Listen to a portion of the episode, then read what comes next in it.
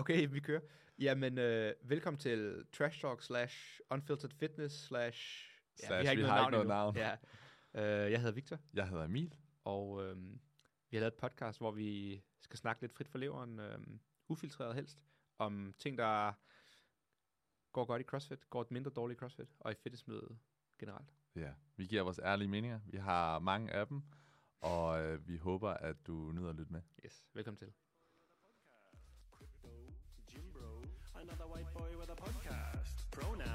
Hell no. Another white boy with a podcast. Meal prep, sports bet, another white boy with Hej a alle sammen. podcast. I Hej, lytter hej. med på øh, andet afsnit af Ufiltreret Fitness, og øh, det er Victor Mønter, der snakker her, og så og har det vi... er Emil herover, og vi har gæst med i dag. Ja, Ja. kan du fortælle lidt om dig selv, hvad du hedder og hvem du er? ja, det kan jeg godt. Jeg hedder øh, Stine, mm. og jeg er uddannet psykolog, autoriseret psykolog. Har en virksomhed, der hedder Sport Optimize, hvor Mm. jeg arbejder med sportspsykologi og mentaltræning. Og så derudover så er jeg konsulent i forsvaret, hvor jeg arbejder med rekruttering og har noget Og I har de crossfitter, skulle jeg sige. Vi ser dig jo nede i trykkeriet uh, i tid og utid. Ja, jeg træner ikke så meget.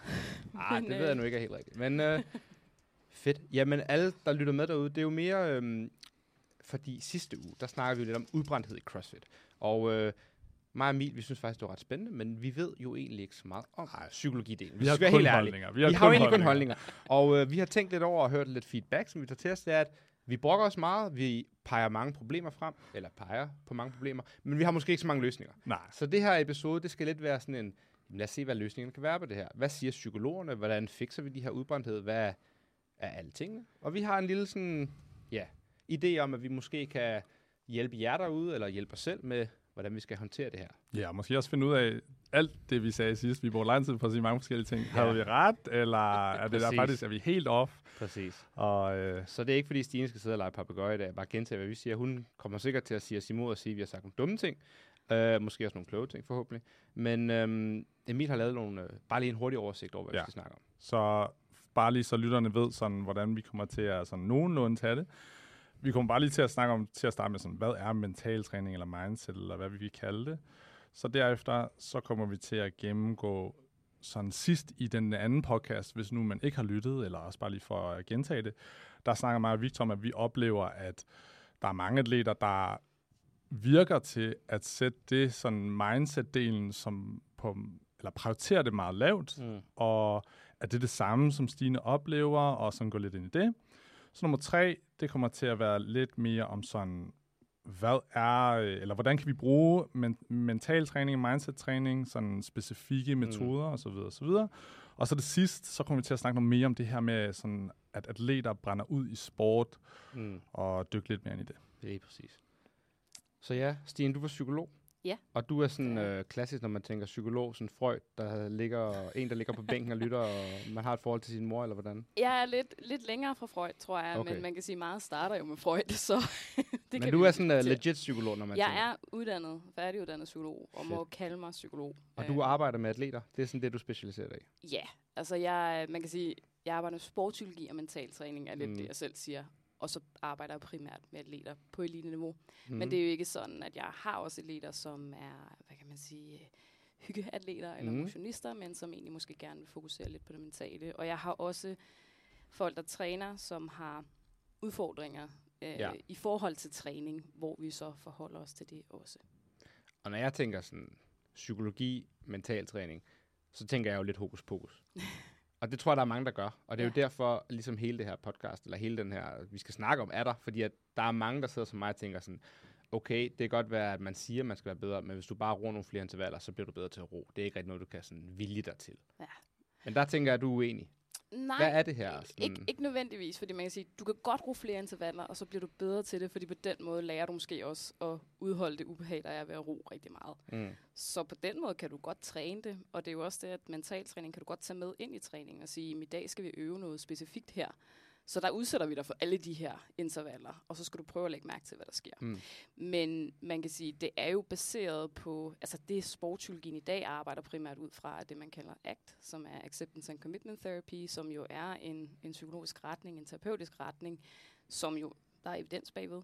Mm. Øhm, og der har man ligesom, hvad kan man sige, man kan jo tilpasse den til sportsudøvere, lige så vel som man bruger den på alle mulige andre udfordringer. Ja. Så nej, det er ikke hokus pokus. Der er Øh, noget ved det. Der er rent faktisk noget i det. Ja, og jeg vil sige, jeg har nu også snydt lidt hjemmefra. Jeg, jeg har læst lige nogle studier hjemmefra og nogle uh, meta-reviews, og der er sgu god evidens. Så det er ikke bare noget, hun sidder og finder på. det. Det, virker sgu åbenbart på en eller anden måde. Det her med at arbejde med en sind eller mental tilstand, det kan åbenbart have en effekt på ens performance. Og øh, det er sort på hvidt. Men det er det, vi skal høre lidt om. Så Ja. hvad er det helt præcis? Hvad, hvad siger du mental træning? Det har vi skrevet her i noterne. Mindset, hvad betyder det? Hvis du skal give os sådan en sætning, Ja. kan man det? En, sætning. Mm, øh, ja, Du må også gerne give os lidt mere. ja, man kan sige, vi snakker jo lidt om at præstere under pres og udholde ubehag. Altså det er i princippet det, meget sport handler om. Mm. Det er jo at udholde en eller anden form for ubehag og kunne være i det. Så er der jo forskel fra sportsgren til sportsgren, hvad det er. Øh, og det er jo sådan noget, man ligesom når man arbejder med atleterne, skal, skal kigge lidt på. Så, så hvis man skulle sige sådan en, en kortere sætning, jamen, så er det de, de ting, som er meget basic. Men mental træning er jo bare et ord, og der er Mm. utrolig mange, som bruger det til alle mulige ting. Altså det, øh, jamen har du haft stress, skal du lave mental træning. Mm. Øh, har du et eller andet andet, skal du lave mental træning. Det er ikke noget specifikt, men det er bare det, vi kalder det, når vi så siger, jamen det du faktisk bruger, det er principperne i ACT, det kalder vi mental træning i sportspsykologi.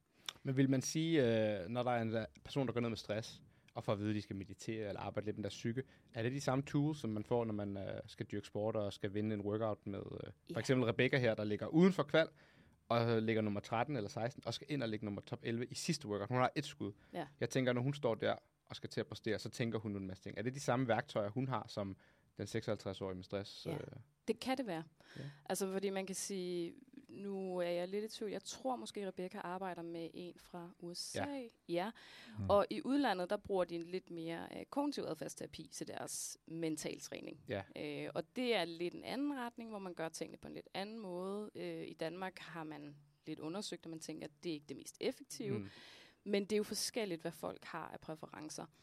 Så, så ja, hun har muligvis de samme, men kognitiv adfærdsterapi kan du også bruge til folk med stress. Så, så det er de samme teknikker, strategier, vi lærer folk, som skal øh, optimere, versus folk, der skal op i vatter på en eller anden måde. Så mindset-træning, mental træning, det er kognitiv adfærdsterapi, hvis man sådan ligesom skal have et Mm, øh, fagterm på det. det, det vil det oftest være, ikke? Og man kan sige, det, det er jo, nu, nu retter jeg dig lige, tillader mig lige at rette Ja, det gør du bare. Fordi man kan sige, at kognitiv adfærdsterapi er det, man kalder anden bølge kognitiv øh, terapi, hvor man har den første, som er adfærdsterapi, og så er ACT og sådan noget, øh, hvad hedder det, metakognitiv terapi og andre ting, det er det, man kalder tredje bølge kognitiv terapi. Så det er kognitiv terapi, men hvis du siger kognitiv adfærdsterapi, så ligger vi i anden bølge, og så er det lidt noget andet. Man arbejder anderledes på den Okay. måde. Mm.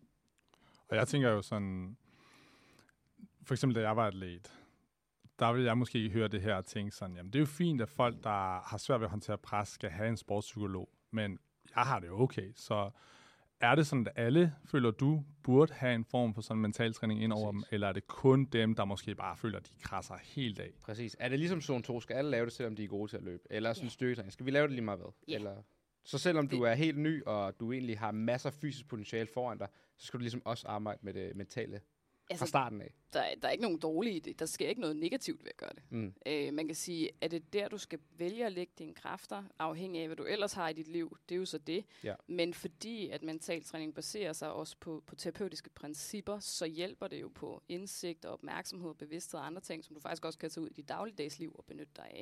Ikke? Mm. Så på en eller anden måde, så man sige, Nå ja, men det er jo egentlig bare en, en optimeringsting. Hvorfor ikke Ja. starte tidligt? Men det synes jeg egentlig også leder lidt videre til spørgsmål 2, som Emil har skrevet Mm. her. Det er det der med sådan, Emil han er jo coach, og han har, til dem der ikke ved det, Pursuit Training, hvor han har en masse atleter, han arbejder Mm. tæt med. Og han har fornemmet, og det har egentlig været tendensen i sporten, har vi sådan ligesom idé om, at det bliver nedprioriteret. Altså det er ligesom, fokus er, hvordan lærer en ring muscle up? Du skal lave ring rows, og du skal lave nogle dips. Og jeg vil godt lære at blive bedre til løb, skal du løbe. Det, er- altså, det ligger langt nede på prioriteringslisten. Ja, og jeg, jeg Mental føler også træning. næsten nogle gange, at det er sådan... Jeg, vi har jo sådan, har faktisk haft et samarbejde, hvor jeg har kunne tilbyde Stine som sådan en mulighed for nogle Mm. atleter at arbejde med.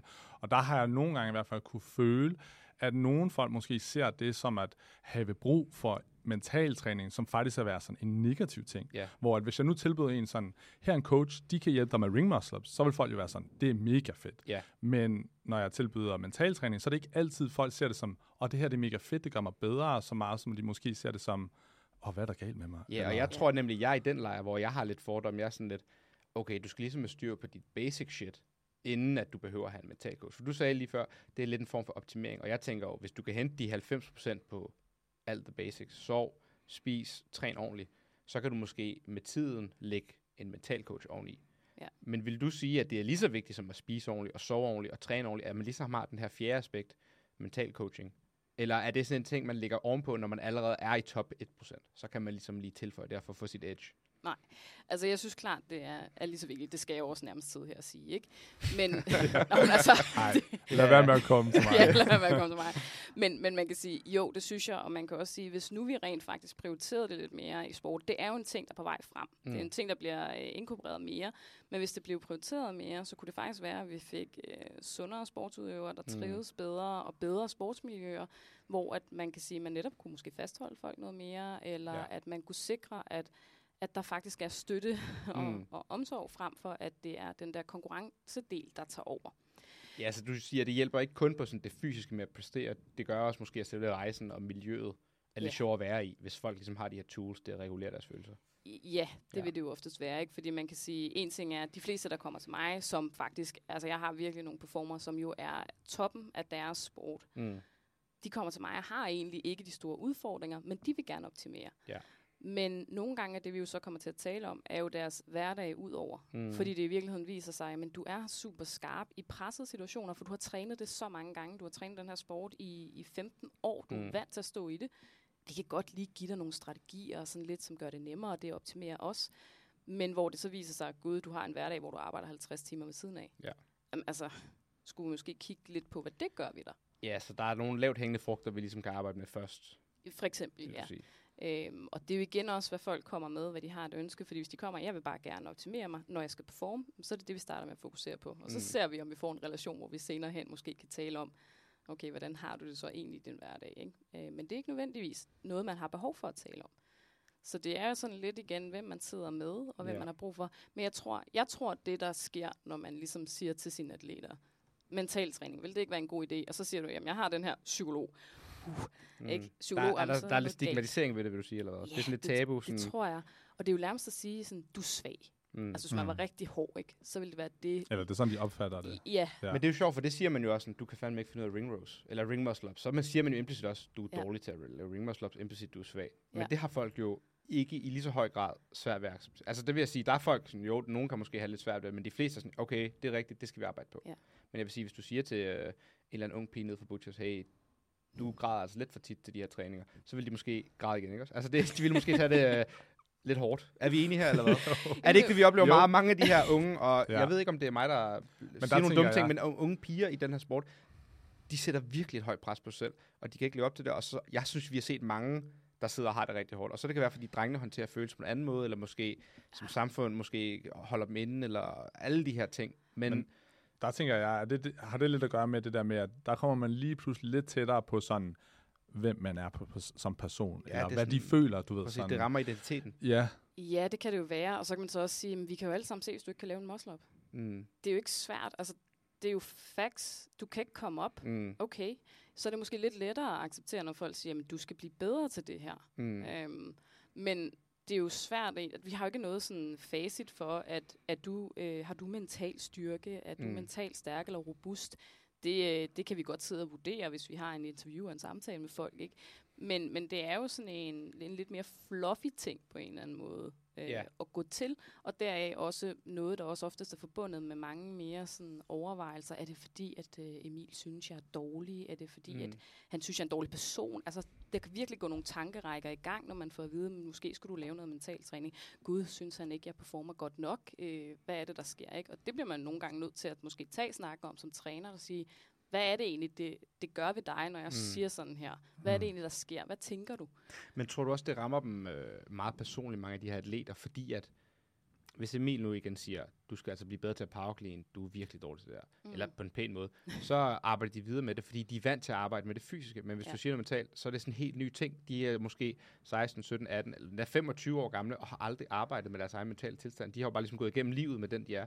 Ja. Og nu lige pludselig bliver de konfronteret med noget, der foregår ind i hovedet. Er det også en ting, som folk tænker, eller er det mig, der overtænker noget lige nu? Det, det kan det være. Altså, det er jo sådan noget, man også nogle gange man bliver nødt til at spørge folk, Mm. for at få at vide, hvad det er, øh, der gør det. Og det er jo oftest, fordi de har nogle, nogle forestillinger om, hvad det betyder. Mm. Øh, jamen, skal hun så sidde og rode i min barndom? Øh, skal hun... Ja, altså, der er alle mulige sådan, generaliseringer og tanker, som måske Ja. ikke er rigtige. Ja, ja. Og, og det er jo igen sådan, jamen, vil du bare gerne have nogle strategier og en måde at finde, altså performe bedre på, jamen, så er det det, vi fokuserer på, ikke? Ja. Mm. Øhm, Det er måske også det, at nogle gange så er folk ikke klar.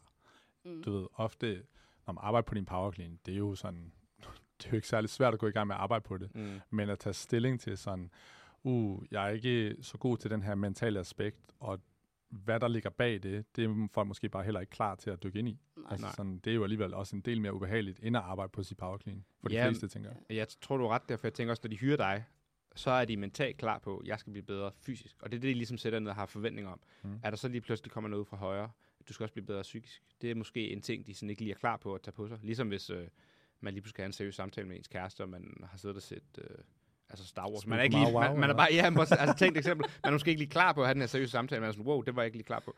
For, øh, er det også en ting, at sådan, forventninger er der måske, man har måske ikke lige som coach forventningsafstemt, hey, vi skal både arbejde på det psykiske og det fysiske. Eller er der mere af det i, frem, her sådan, i fremtiden? Altså, det er da helt sikkert en ting, der skal mere ind, tror jeg, som man skal præsentere mere. Jeg tænker, det er, det er man er også ansvarlig for som coach, og det er som at sige, er det her noget, jeg prioriterer? Hvilket mm. vil være en rigtig god idé, og det er også noget, som er på vej frem. Så gør du det ikke nu, jamen så, så er du ligesom koblet af den udvikling, der sker lige nu. Ja.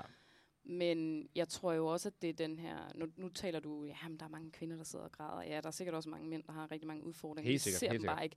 Men det er jo også enormt ubehageligt. Når, der, jeg tænker, der er ikke en eneste af dem, der sidder og græder til træning, som synes, det er særlig rart. Det tror jeg, du har. Altså, det er fordi, de har... Altså, det, det er noget, der bare... Det kommer ud, og det er super ubehageligt. Og så siger du, at det skal vi da lige arbejde noget mere med. Mm.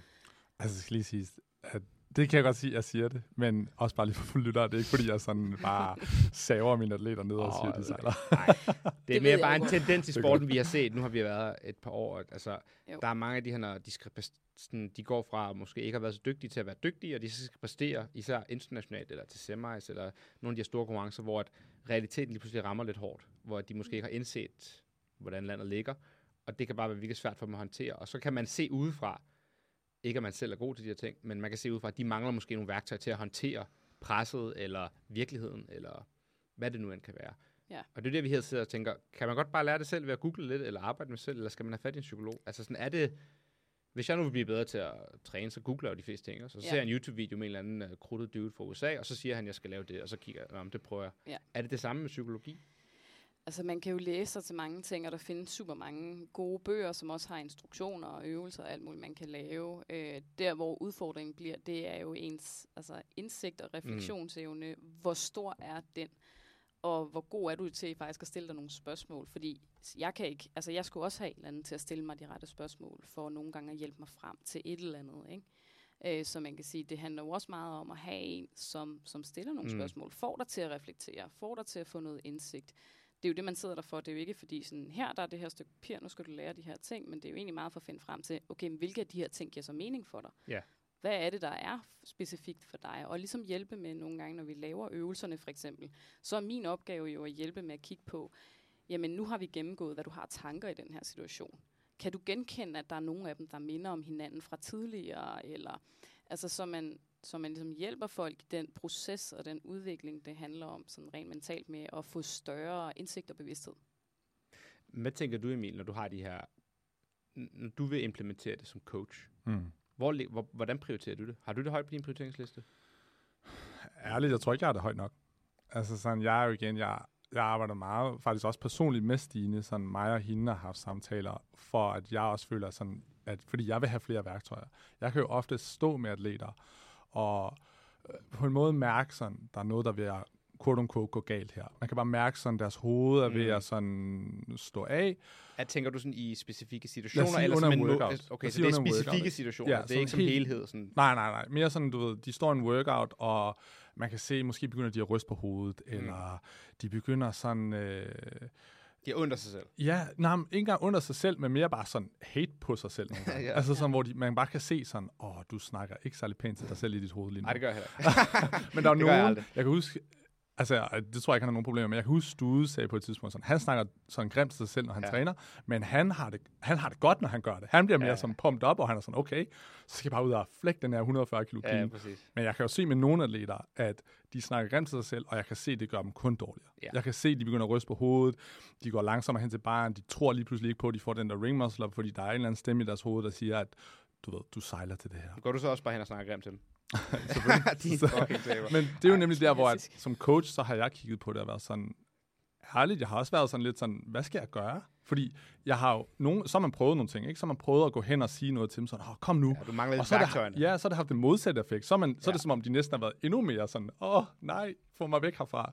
Og derfor har jeg begyndt at arbejde med Stine for mig selv, så jeg kan få nogle værktøjer. Men jeg har selvfølgelig også snakket med mine atleter og sagt, at de kan gå til hende allerede nu og få de værktøjer.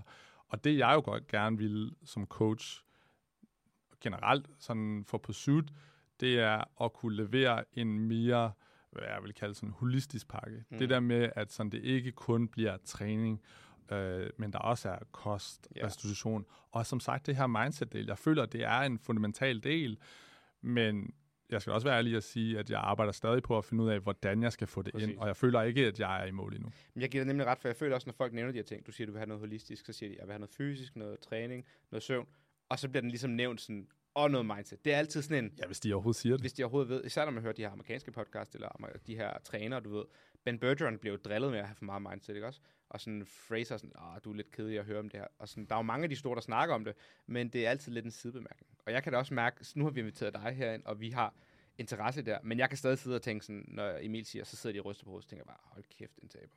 Eller sådan de der, jamen jeg kan, jeg kan sådan, når folk begynder at hunde selv, og sådan der, nu må du fandme tage dig sammen. Altså jeg kan Ja. ja. mærke, at jeg har sådan, der er jeg gammeldags konservativ, jeg er bare sådan der, de må satme lige arbejde lidt på sig selv, eller sådan, jeg kan sådan, uden at sige det, men måske dybt ned i mit hjerte, tænker de er lidt svage. Men det er jo Og- det, der er udfordringen i sport, at det er jo også den kultur, der er. Ja, Ikke? og den der hænger jeg stadig ved. Jeg kan mærke, at jeg har svært ved sådan, det kan godt være, at de skal arbejde med et eller andet, men jeg tænker sådan, det burde du bare kunne. Eller det burde du måske have for barnsben. Så, men der er måske også folk, der er vel forskellige. Der er vel nogen, der har tools, eller hvad hedder det, værktøjer for deres egen barndom, ubevidst, eller har en stærkere psyke, Ja. Eller hvad? Er det ligesom, at der er nogen, der er gode til at dødløfte, når de går første gang, de træner? Jamen, det, det, vi er jo meget forskellige som mennesker, og der er nogle ting, som jeg måske håndterer sindssygt godt, som du ikke håndterer Mm. så godt, eller omvendt. Og man kan også sige, at vi har forskellige ting med os. Ja. Det er jo også nogle gange det, som man, man ser jo, atleter ser man jo sjældent bagved. Altså hvad, hele mennesket. Mm. Det, det er noget, som ja, det er blevet mere ind at tale om, og sådan, men det er måske noget, der bare stadigvæk ikke er så accepteret. Heller ikke af atleterne selv. Men synes du ikke også, det er vigtigt, det der med, jeg synes nemlig, der er meget snak om det her, man skal se helhed. Man skal mm. se hele atleten, også deres privatliv. Ja. Men jeg synes jo, der er noget vigtigt ved at kunne distancere atleten fra personen. For vi, især mig og Emil, har oplevet det her mange med nogle folk, der har identiteten, jeg er crossfitter. Ja. Og det er deres person. Så når crossfit krakelerer, så krakelerer personen. Ja. Og der synes jeg jo i hvert fald, det har været super vigtigt for mig personligt, og Astrid og alle dem, vi kender, at vi har ligesom sådan Victor, der læser et studie, og kan lide at læse bøger, og spiller computer, og hvad det nu end er. Mm. Og så er der crossfitteren. Ja. Og så når crossfit går helvede til, så kan jeg læne mig på de andre ting. Men det er lidt en anden ting faktisk, fordi man kan sige, det er jo identitet, og det er jo netop, jamen, jo bredere en identitet, jeg vil sige, jamen, jo, jo mere robust er du højst sandsynligt til at håndtere de udfordringer, der kommer i dit liv, som for eksempel en skade i din sport, mm. fordi så har du noget andet, som også er dig som person, og som er vigtigt for dig, som du kan fokusere på. Men det er jo, det er jo så også at fokusere på den hele atlet, fordi hvis det så i dit privatliv mm. går skidt, så er det jo ikke bare sådan, at det ikke influerer på et andet område, og det er det samme, hvis CrossFit går skidt, er det jo ikke sådan, at det ikke influerer på dit privatliv. Nej, men man kan vel stadig trods alt prøve lidt... Hvis jeg nu har haft en helvedeste træning, så skal jeg ikke komme hjem og øh, tæve Astrid og sådan noget. Altså, du ved, jeg skal jo prøve ligesom at sådan... Det skal jeg ikke uanset. Men man skal ligesom prøve at... Så kan jeg komme hjem, og så nu er jeg glad, fordi nu er jeg hjemme, og det er et nyt, nyt kapitel. Eller hvad? Det, der, der synes jeg måske, det bliver lidt at skubbe det væk på en eller anden måde, og det er jo det, vi Sådan faktisk... kompartmentalisere det, eller hvad? Ja, det vil vi jo gerne undgå. Altså, det er selvfølgelig fair nok, at man går hjem. Man kan godt gøre det. Det er ikke Mm. sådan, at du kan gå hjem og sige, okay, lige nu, der, der tager jeg lige mit... Øh, fordi et Astrid har behov for, at jeg er glad, eller et Mm. eller andet. Det er vigtigt for mig at være en god kæreste. Men så er det det, jeg gør, det er det, jeg fokuserer på lige her nu. Mm. Men hvis det handler om, at nu går jeg hjem, og så glemmer jeg bare, at træning var noget møg, jamen så på et eller andet tidspunkt, måske til træning i Så morgen, indhenter det. så indhenter det dig. Du kan lige så godt tage snakken med, med Astrid om, hold nu kæft, træning var noget møg i dag. Og sådan, jamen, så tager jeg lige den snak. Og når du så måske har snakket 20 minutter, så øh, har jeg en aftale om, at okay, nu begynder du at køre rundt det samme. Ja. Lad os lige stoppe den her. Hvad skal vi gøre i morgen, for at det her det bliver bedre?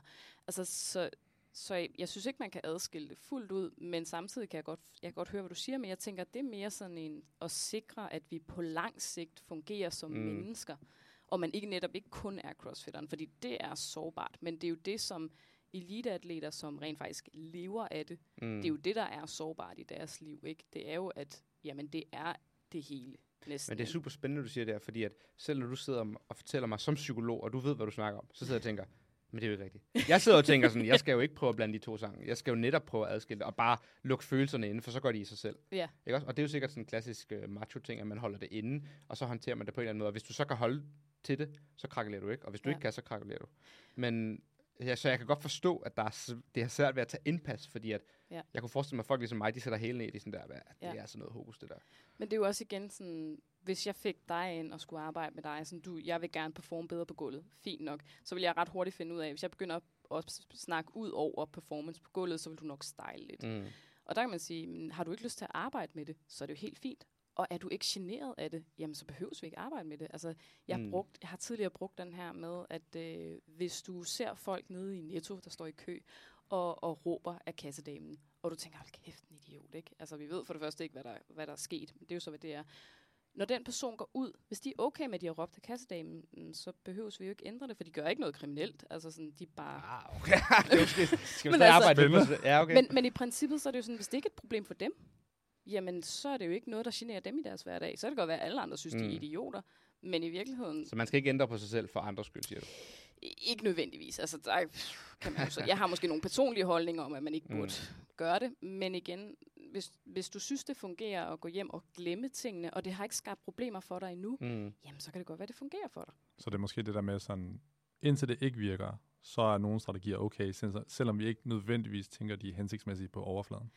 Ja, det er i hvert fald, altså det er faktisk min udfordring at, at arbejde med ikke at komme til at, øh, altså det har jeg gjort før, at komme til sådan at se nogle ting, hvor jeg tænker, okay, hvis du lærer det her, Mm. shit, du vil blive robust fremadrettet. Det vil virkelig være en god ting for dig som atlet, at du havde den her øh, skill med dig. Som for eksempel at tale om følelser med, med andre eller sådan noget. Mm. Men jeg har også prøvet at komme til at trække det for meget frem og lægge for meget væk på det, og så skader man relationen, og så når man ikke nogen steder. Så det er jo også det der sådan, jeg vil da ønske, at folk var villige til at arbejde med det, og ligesom se, at der er ikke noget galt med det, nu prøver vi at se, hvad det giver. Men er du ikke interesseret i at arbejde med det, ja, så er det måske først, når der kommer et problem, at du så rent faktisk indser nødvendigheden Mm. af at arbejde med det. Og selv der er der jo mange, der ikke indser det. Hvordan er det så sådan, øh, nu, nu kan man jo booke dig som sports optimizer og betale, øh, betaler for at hjælpe dig med det her. Men Ja. hvis du har nogle sådan pointers, du vil dele lidt her i showet måske, altså sådan, også som øh, nu sidder Emil her som coach og kribler i fingrene, hvad, altså noget helt konkret, hvad kan vi som atleter, eller som coaches, der coacher atleter, sådan, har du nogle konkrete værktøjer, man kan arbejde med? Altså hvad, fordi at, for eksempel, når jeg skal ud på gulvet, så tit så øh, tænker jeg bare sådan, "Nå, det går nok. Ja. Og så er det sådan, ligesom det, jeg gør, ikke? Og så nogle gange går det ikke. Ja. Men der er jo jeg har mange, ikke der rigtig- ikke gør. Nej. Og det er det, jeg tænker, Det det er- er sådan, præcis. Hvad- dem, der lytter, ikke? arbejde de folk, der er sådan en eller anden del af deres enten træning til hverdag, eller når de konkurrerer, når de kan mærke sådan, det her fungerer ikke særlig godt. Altså sådan, har du med værktøjer til det, eller er det ikke engang der, de skal fokusere? Altså det, det er jo altid forskelligt, hvor folk måske burde lægge deres vægt, men der er jo værktøjer, dem deler jeg også øh, på min Instagram nogle gange, mm. så Mhm. det er ikke fordi, dem er jeg villig til at dele. Du kan også finde dem alle mulige steder. Men man kan sige, øh, først og fremmest er det jo sådan, vi prøver altid at arbejde med sådan opmærksomhed og bevidsthed omkring, hvad du gør. Fordi meget af det, der sker, når man kommer til at gøre noget til, til konkurrence eller træning, hvor man bagefter sidder og tænker, ej, hvor var det dumt. Mm. Det er jo simpelthen, fordi man ikke har nået at fange de tanker, der fører til den handling. Øhm, så man kan sige, at vi, vi arbejder en del med sådan, det er jo så mindfulness for eksempel, kan hjælpe Mm. øh, med at blive mere bevidst og opmærksom på, hvad der sker. Og så arbejder vi meget med registrering, hvor man simpelthen går ned bagefter man har trænet, og øh, så kan det være, der har været en situation, øh, som man synes har været svær eller et eller andet. Så skriver man simpelthen ned, okay, hvilke tanker havde jeg i den her situation? Nå, det var det her. Hvad følte jeg? Det her. Okay, men hvad, hvad gjorde jeg så? Mm. Jamen, så, så stoppede jeg min træning, eller et eller andet. Okay, men øh, hvorfor gav det mening i, den, i det øjeblik at stoppe din træning? Det var, fordi du slap for ubehaget, for eksempel. Ikke? Så man ligesom, når man Øh. sidder tilbage og har overskud og mental overskud, mm. så kigger man på, hvordan reagerer den her situation. Ja. Okay, jeg, gik, jeg gjorde det, det er måske ikke det, jeg ville. Jeg vil gerne gøre det andet. Ja. Det prøver jeg næste gang, Ja. eller hvad? Og det er jo oftest der, hvor sådan, når man arbejder med mig, vil vi oftest arbejde med noget værdisætning. Altså, hvad er dine værdier? Hvordan vil du egentlig gerne handle som atlet? Hvad er Mm. vigtigt for dig? Fordi det kan være sådan en guideline til, hvad skal du så fokusere på, når du står på gulvet, for eksempel. Hvis vi nu siger, at vi har Emil, Ja. og han skal have en atlet, der har prøvet at øve øh, at gå på hænder i seks måneder, Ja. og det går bare ikke. Ja. Og det går op, og det går ned, men det går mest ned. Og det er bare fucking svært for den her atlet. Ja. Eller det kan være ring muscle ups, det kan være mig, der ikke kan finde ud af at power clean 140. Altså, og det går bare ikke, som han vil have det fysisk, og det går bare ikke for mig, den person mentalt. Ja. Hvad skal de sådan ligesom, hvad skal vi gøre her? Altså, hvad er løsningen? Hvad, skal man snakke sammen, eller skal man... Er der nogle værktøjer, du tænker, Ja. at du skal registrere, når du power cleaner, eller hvad? Ja, altså det, det vil være den første, det første step, jeg ligesom vil sige, men det skulle man snakke om, eller at det skal atleten registrere. Det er simpelthen lave den her registrering. Hvad er det faktisk, der sker? Mm. Fordi nogle gange er vi jo egentlig ikke opmærksomme på, hvad det er, vi fortæller os selv, imens vi er i gang. Det kan være, er du bange for at løfte den, mm. eller er du bange for at fejle, eller hvad er det, det handler om? Og når man så ligesom har, har lært det, og det kan man jo gøre af mange omgange, så kan man ligesom se, gud, der er de her mønstre. Når jeg får det svært, så er det de her tanker, eller de Ja. her følelser, der kommer tit. Det synes jeg er meget interessant. Fordi sådan, lad os nu sige, jeg har sådan en atlet, der legit har sådan svært ved at gå på hænder. Ja. Og jeg føler sådan, for eksempel dit 140 kilo power clean, eller Mm. hvis nu så er 150. Ja. Der er også et element af sådan, rent fysiologisk, der Mm. kan du, du måske bare ikke lige. Mm. Men jeg har jo en atlet i forhold til at gå på hænder, hvor jeg er sådan, det kan du godt. Mm. Altså, du har de fysiske forudsætninger for det. Og det er der jo mange folk, der gør i forhold til at Mm. gå på hænder, men de kan ikke. Og man kan se, og de ved det også selv, det er deres hoved, der står i.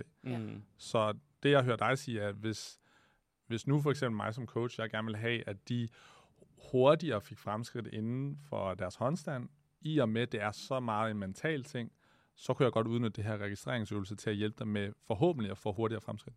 I vil i hvert fald få indsigt i, hvad det så er, der foregår i hovedet på folk. Ikke? Mm. Er det fordi, de faktisk har en rigtig, rigtig grim self-talk? Men er det, når du siger registrering, tænker du, undskyld, jeg afbryder, ja. Men tænker du så bare for eksempel, så sparker hun op til hænder, og så hopper hun ned, og så tænker hun noget, og så når man kommer hjem og skriver det ned, så tænker man, men når jeg hopper op første gang, så tænker jeg, din møjso, hvad fuck er det, du laver? Ja. Og så ser man, har man set det i tre uger, så står der øverst, din møjso, hvad er det, du laver? Og så tænker man, det er måske ikke sundt. Ja. Er det sådan, det der, altså finder man mønstret i de tanker, og så prøver man ligesom, hvordan kommer man så videre derfra? For de fleste Ja. ja. ved vel godt, hvad de egentlig tænker, sådan ubevidst. Ja, eller hvis det er frygt, lad os sige, de registrerer sådan, om jeg, jeg kan mærke, at jeg er bange for at Ja. falde. Er det Ja. det samme, eller er det to helt forskellige retninger, vi så skal? Altså man kan sige, hvis det er decideret frygt på håndstand for eksempel, mm. Nå, så kan man jo, så kan du jo som træner hjælpe med, okay, hvordan gør vi det her mere øh, komfortabelt for dig at være i, og hvordan kan vi sådan måske kompensere lidt for det. Men det er i princippet de samme strategier, man kan bruge, uanset om det så er, fordi man fortæller, at man er pisse dårlig til det, Mm. eller om det er, fordi man er møg bange for det. Mm. Så er strategierne nogle af de samme, øh, man kan lære, fordi der er strategier. Hvad er sådan en strategi så? Hvis de har dårlig self-talk eller frygt, hvad, hvad er det næste skridt? Så nu har jeg ligesom registreret, jeg er bange, og jeg snakker af helvede til til mig selv. Ja. Men jeg har det fysiske potentiale der. Jeg ved, jeg kan. Hvad, hvad er det næste skridt så? Altså man kan sige, der er, vi taler jo meget sådan noget om accept, mm. øh, og, og det her med at skabe lidt afstand til, så man ikke ligesom fusionerer, altså at man ikke er lige med tanken, ikke? At Mhm. jeg er dårlig, jeg er bare dårlig, men at man får skabt lidt afstand. Det har vi nogle forskellige strategier til. Den første er jo at acceptere, at man er bange for det, for eksempel. Mm. Mm. Og vide, jamen i dag skal vi træne håndstand. Okay, men jeg får højst sandsynligt de her tanker. Mm. Så man Og ligesom er prepared. Jamen, så det, Mentalt. det er i hvert fald ikke øh, overrasker en, når Ja. ja. man skal til at træne, men at det så, fordi på den måde vil det også blive lettere ligesom at fokusere på, okay, men hvad er det faktisk, Emil siger til mig, jeg skal gøre, for at det her det lykkes. Fordi det er jo oftest det, der så sker, er jo, når man bliver bange for noget, og tankerne stjæler lidt ens opmærksomhed, så mister man fokus på det, man skal. Jamen, du skal lave opspænd, eller du skal placere dig sådan her, eller et eller andet. Så det er jo ligesom, skal hjælpe en med lige uh, tage en vejrtrækning, få lidt afstand til det, og så ligesom kunne fokusere på, hvad er det, der skal til, for at jeg kan lykkes med den her Mm. opgave. Og man kan sige, det er jo ikke nok bare at tage en vejrtrækning for folk tit, i Nej. hvert fald. Øhm, og der har man jo, man har noget, der hedder kast anker, for eksempel, den bruger jeg personligt. Øh, Kaste anker. Kast anker hedder ja, den, ja. og det, det er simpelthen en øvelse, der Mm. hedder det. Øhm, som man kan lave øh, super kort. Det er en længere mindfulness-øvelse, man kan træne også. Men for mig, altså jeg er for eksempel bange for at øh, løfte tunge vægte. Mm, Altså kender. det, ja, det er bare, det går i mit hoved, og jeg er meget bange for at komme til skade. Øhm, når jeg skal til at løfte tungt, eller prøve at lave PR eller noget, så hjælper det her mig med, lige sådan, det man lige stiller sig, mærker underlaget, får lige sådan kigget rundt i lokalet, hvad, kan jeg lige se tre ting, jeg ikke har opdaget før, hører lige musikken, ser lige, hvem der er der, når Emil han er, han er min coach, mm. Han støtter mig. Og hvad er det så, der er vigtigt for mig, jeg gør nu? Jamen det er, at jeg giver den et forsøg, fordi mit problem er, så forsøger jeg slet ikke Mm. når jeg bliver bange. Men for mig er det vigtigt at være vedholdende, og det er vigtigt at rent faktisk prøve det, og så prøve at give den et forsøg. Og det vil sige, jamen så skal jeg ikke bare trække den til hoften og slippe den. Jeg skal reelt set have den op og Mm. se, og så må jeg bæle derfra, og så må vi se, om ikke jeg kan håndtere det. Men det er for mig et rigtig stort skridt overhovedet at nå op over hoften. Ja. Så når jeg gør det, så bliver det lidt mindre farligt, fordi gud, nu har jeg faktisk haft den nærmest op over hovedet. Så er det næste skridt. Så bliver jeg ved med egentlig at gøre det her med Mm. at registrere. Så sætter jeg mig ned igen, okay, jeg kan godt mærke, at jeg er nervøs, jeg er bange for at komme Mm. til skade, og så laver jeg måske den her øvelse igen. Og kastanker kan være ret god i forhold til, når man er nervøs, kan man sige, fordi den lidt kommer fra, når man snakker sådan noget som øh, PTSD for eksempel. Altså så snakker man også om sådan, vi skal lige have dig til at zoome ud, så du ikke er super opmærksom på det, der Mm. foregår lige nu. Og det er faktisk lidt det, man gør, ikke? Man zoomer lidt ud, for så at trække tilbage til at kunne fokusere igen på det, der er. Men det lyder jo også bare som, shit, det er meget. Altså sådan, du ved, hvis jeg nu skal fokusere på at løfte, så skal der bare rives til. Jeg har jo ikke tid til at kigge op mod øh, øst, og øh, kigge til øh, lampen op til venstre, og så kigge på Emil i øjnene. Nej. Altså sådan, det kræver vel også en vis mental overskud, at bygge det her mental overskud. Forstår du, hvad jeg mener? Altså sådan, nogle gange, når man, hvis man har det hårdt i en workout, så har man altså ikke altid lige Nej. overskud til at tænke på, nu skal jeg, uh, skal lade være med at sige, at du selv er en idiot. Uh, man tænker bare på, at jeg skal altså lave den burpee nu. Ja, men man kan også sige, at det her måske, Kasanka synes jeg ikke er effektiv i en hurtig workout, for eksempel. Nej, så det Den er er, mere... øh, Den er effektiv, når man står og er bange for sin håndstand, eller står og har et maksløft, du skal lave, hvor du har tid til lige, det tager mig 5 sekunder at lave det her. Ja, okay. Ikke? Øhm, men sådan, så man lige sådan uh, fokuserer. Så er der jo andre ting. For eksempel, når du øh, skal lave rigtig mange burpees, det er meget ubehageligt, Mm. og alt brænder, så har vi en, der hedder mærke ubehag. Det handler om at være i ubehaget. er det sådan lidt flow state-agtigt? Eller? Nej, men ja, men det er egentlig bare sådan at mærke efter. I stedet for de fleste vil prøve jo, så prøver jeg at tænke på et eller andet mm. andet, for ligesom at, at aflede mig selv. Men her handler det egentlig om sådan, jamen, det handler om accept, det handler om at være i det, og du kan godt blive ved, selvom det gør ondt. Mm. Så der lægger man simpelthen mærke til, hvad sker der i min krop, hvor gør det ondt, hvordan mærkes det, er det koldt, er det varmt, stikker det, prikker det, rykker det sig, så man går ind i det i stedet for. Og så vil man oftest faktisk opdage, at gud, jeg kan faktisk godt træde i den her cykel, eller jeg kan godt lave en burpee til, så man egentlig kan blive ved med at være mm. i det. Ikke? Men er vi enige om, at der også er en strategi, der hedder abstraher for det? Ja, for jeg tænker da... Altså, det altså gjorde jeg i morgenkondi, går. jeg tænker altid på morgenmad til morgenkondi. Jeg tænker, jeg glæder mig så meget til at få morgenmad med Ja. og kaffe. Det er det, sådan nogle gange jeg sad på rointervalget i morges. Jeg havde det så hårdt, og Eskild han flækkede mig. Og jeg Ja. tænkte bare, i det mindste skal jeg have kaffe snart. Jeg lavede sådan en 10 minutters øh, ecobike-test her forleden Ja. dag, og så sad øh, Matt Sibis, ham der, der har været Åh. regionals ved siden af mig, og jeg fandt bare, hvis jeg bare kiggede på ham og tænkte på, hvad han lavede, så kunne jeg bedre være i det, jeg lavede. Men altså, man kan sige, egentlig hvis jeg skulle være sådan helt, vil jeg sige, ja, det, det er en dårlig idé. Altså, det synes du? hvis, hvis jeg skulle være Ja. helt firkantet, Fedt. så vil jeg sige, Hvorfor? det, det er en dårlig Hvorfor? idé. Fordi hvis det fungerer for os, så fungerer det vel. Det er rigtigt, men det kunne fungere bedre, hvis jeg gjorde noget andet måske. Så ligesom når jeg siger, øh, hvis du powercleaner, du får den op, ja, men du kan også powerclean lidt mere effektivt. er det sådan lidt eller det? Altså, det, det kan godt være, at det fungerer, men det er I ikke øh, det princippet. bedste. Altså, og man kan sige, det er jo ikke, fordi du ikke gerne må skubbe ting væk. Det, der bare tit sker, og som også er sådan en helt basic øvelse, vi laver, er, jamen hvis du prøver at sidde og skubbe noget væk, hvis jeg skulle nu skubbe Emil væk, så skulle jeg bruge en del opmærksomhed på at skubbe til ham, for at jeg ikke vælter. Mm. Så bruger jeg faktisk en del af min fokus på det, i stedet for bare at være i det. Og man kan sige, det er jo lidt nemmere at sidde bare og køre på en Mm. cykel, så det er jo ikke, fordi du sådan kræver super meget fokus. Men det er også nemmere lige pludselig, at hvis, hvis Emil så lige pludselig slipper dem, så vælter jeg ikke. Altså, Altså, hvis du mister fokus, så er der lige pludselig rigtig meget smerte. så kommer der lige pludselig rigtig Jeg meget bølgen over. Altså ligesom at trykke Mm. en badebold ned under vandet. Altså det er i princippet det, man gør, ikke? Man trykker badebolden ned under vandet for at prøve at ignorere den. Det er dine tanker. Trykker dem væk. Hvis du slipper, så siger det puff, så kommer den op igen, ikke? Så, så du risikerer at blive ramt rigtig hårdt. Så det er bedre ligesom at acceptere tankerne, der er der, Ja. end det er at prøve at skubbe dem væk. Det, det er i hvert fald en chance for, at du ikke bliver overmandet på et eller andet tidspunkt. af Så når man står der, Rebecca skal bare performe i workout 7, hun er så nervøs, mm. hun ved, der står 10.000 mennesker og kigger, alle venner, alle familier. Hun skal ligesom acceptere den her nervøsitet, i stedet for at prøve at skubbe dem væk, og så sådan, jeg ved ikke, hvad man skal sige blandt, kanalisere Træde den. ind i smerten. Ja, træde ind i Ja. smerten, eller hvad? Ja, og det er jo fordi, man har fundet ud af, at det, det er nemmere så at bruge din energi på dit fokus i stedet for. Hvad ja. Ja. er det, hun skal, for at det her det lykkes? Ja. Hvor hvis hun prøver at ignorere, at hun er nervøs, nervøs bruger hun jo faktisk noget kognitiv kapacitet på at prøve at skubbe det væk. Ja. Og man har kun x antal kognitiv terapi, eller hvad hedder det, kapacitet. Ja, ja, og jo, jo mere nervøs vi er, jo smallere bliver den nærmest, Ja. ikke? Okay. Spændende. Så bare så jeg lige er med. Rækkefølgen hedder, der er sådan, øh, hvad hedder det, sådan noget register, eller hvad det var? Registrering. Registrere det. Og så derfra, når du sådan lidt ved, sådan, okay, det var sådan her, jeg gjorde, det var sådan her, jeg følte, så er der, lad os sige, sådan 10-20 forskellige metoder, man kan bruge derfra, for at begynde at takle det. Ja. Man bruger en af de her metoder, enten går det bedre, eller så går det dårligere. Og så gentager man det vel lidt. Så registrerer man igen, om hvad skete der, jeg prøvede det her, okay, det gik bedre, derfor bliver jeg ved med at bruge den her metode, eller Ja. det gik dårligt, derfor bruger jeg den her anden en. Altså, jeg har en øh, atlet, jeg har talt med i to og et halvt år, og vi laver stadig registrering og, og prøver forskellige ting af. Og så prøver vi nogle nye ting, og sådan, men Men hun skal, altså altid når vi arbejder, så er det sådan, det her skal du prøve et par gange. Fordi det er jo ikke sikkert, det lykkes første Ja, for det var også det, jeg tænkte på. Hvis jeg nu lærer at lave en ring muscle up, så glemmer jeg det ikke rigtigt igen. Mm. Hvordan er det med det her mentale? Er det sådan, at man skal skifte strategi i takt med, at man udvikler sig i sit liv, eller man bliver ældre, eller du ved, hvis jeg ligesom har lært at registrere, kan jeg så altid det? Eller er det noget, man sådan skal holde ved lige? Eller Ja. hvordan er det? Er det ligesom en Altså- løbeform? Altså, de kondital, det falder, når du ikke løber. Altså, man kan sige, at registrering er jo sådan en basic formel. Mm. Så den er på sin vis nem. Så det en af de måske lidt mere avancerede. Ja, og man kan sige, at det, der er svært ved at måske vedligeholde det, er jo hele tiden det her refleksion. Hvis mm. Du ikke træner din refleksionsevne, så går det som regel en lille smule nedad. Det er Ja. ja. ikke sådan nødvendigvis, at det gør det. Men, men det, det kræver jo noget at træne sin, sin refleksion. Og så særligt sin opmærksomhed, altså mindfulness. Mm. Jamen, jo mere du gør det, jo, jo mere øh, bevidst bliver du om, hvad der foregår som regel. Ikke? Øhm, og stopper du med det, jamen, så kan det godt være, at den, den evne falder lidt igen.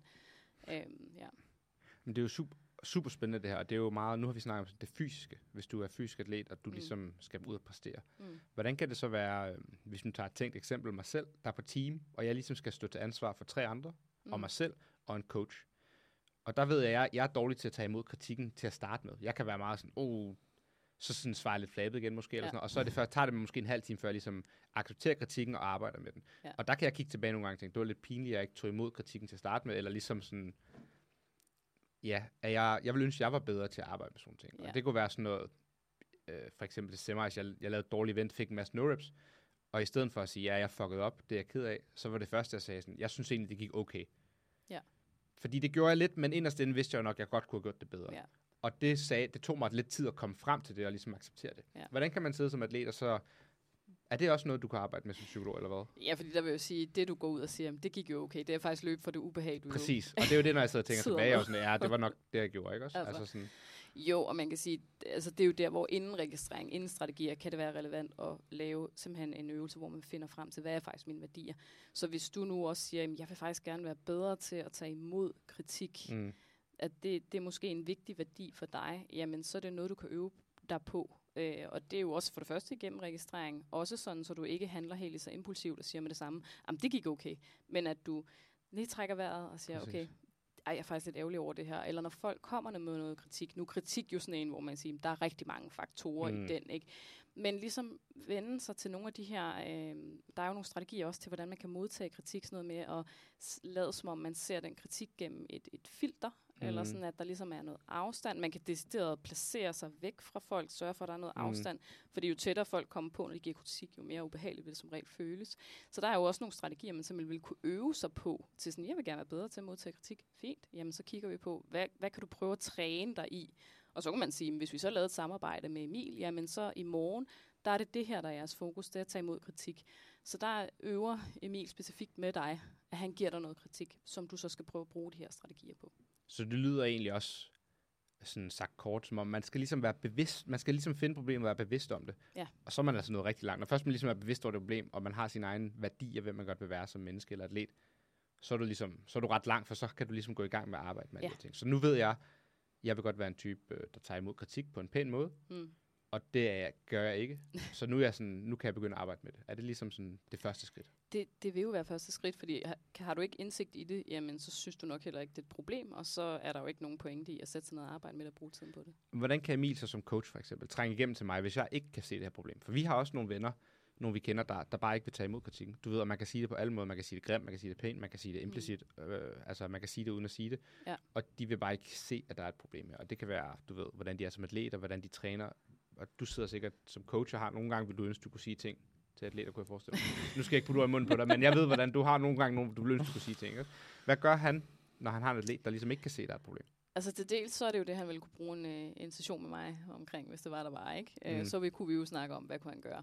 Men hvis vi skulle være lidt mere specifikke lige nu, så kan man sige, til dels er der jo noget med at være god til at levere kritik og feedback, og være opmærksom på, hvad det er. Og måske også være vedholdende i at levere kritik og feedback på en specifik måde, for at se, hvad gør det. Fordi, som du siger, jamen, ja, man har prøvet det hårdt, man har prøvet det sødt, man har prøvet at være omsorgsfuld. Mm.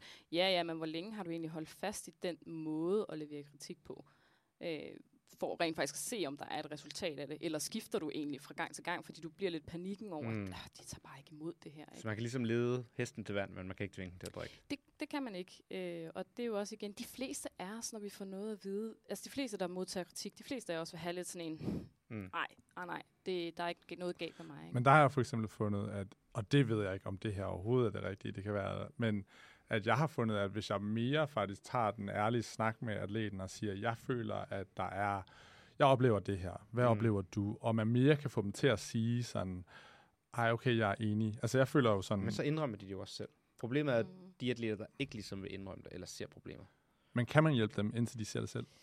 Altså, man kan sige, den her med at tage den på sig selv og sige, jeg oplever det her, er som regel en ret god måde at afvæbne folk på. Mm. Så selv hvis de ikke vil se det, så kan man sige, jeg bliver, altså, jeg, jeg bliver i tvivl om, hvad jeg skal gøre for dig lige i den her situation. Mm. Eller sådan, og det kan føles enormt øh, kunstigt at stå over for en, som er helt hård og lukket, og sådan blive lidt, lidt følsom, eller sådan på en eller anden måde sige, det her påvirker mig på den her måde. Mm. Men det er jo en måde ligesom at hjælpe dem med at se, hvad det de gør, hvad det skaber hos, hos andre. Mm. Øhm, ja. Men jeg føler også, det her, det åbner jo også op for, og det er jo det, jeg synes, jeg er svært ved som coach, og det er jo, jeg føler, det er et, et hav af metoder og områder ja, og er situationer, feedback, registrering, de her metoder og så videre. Sådan.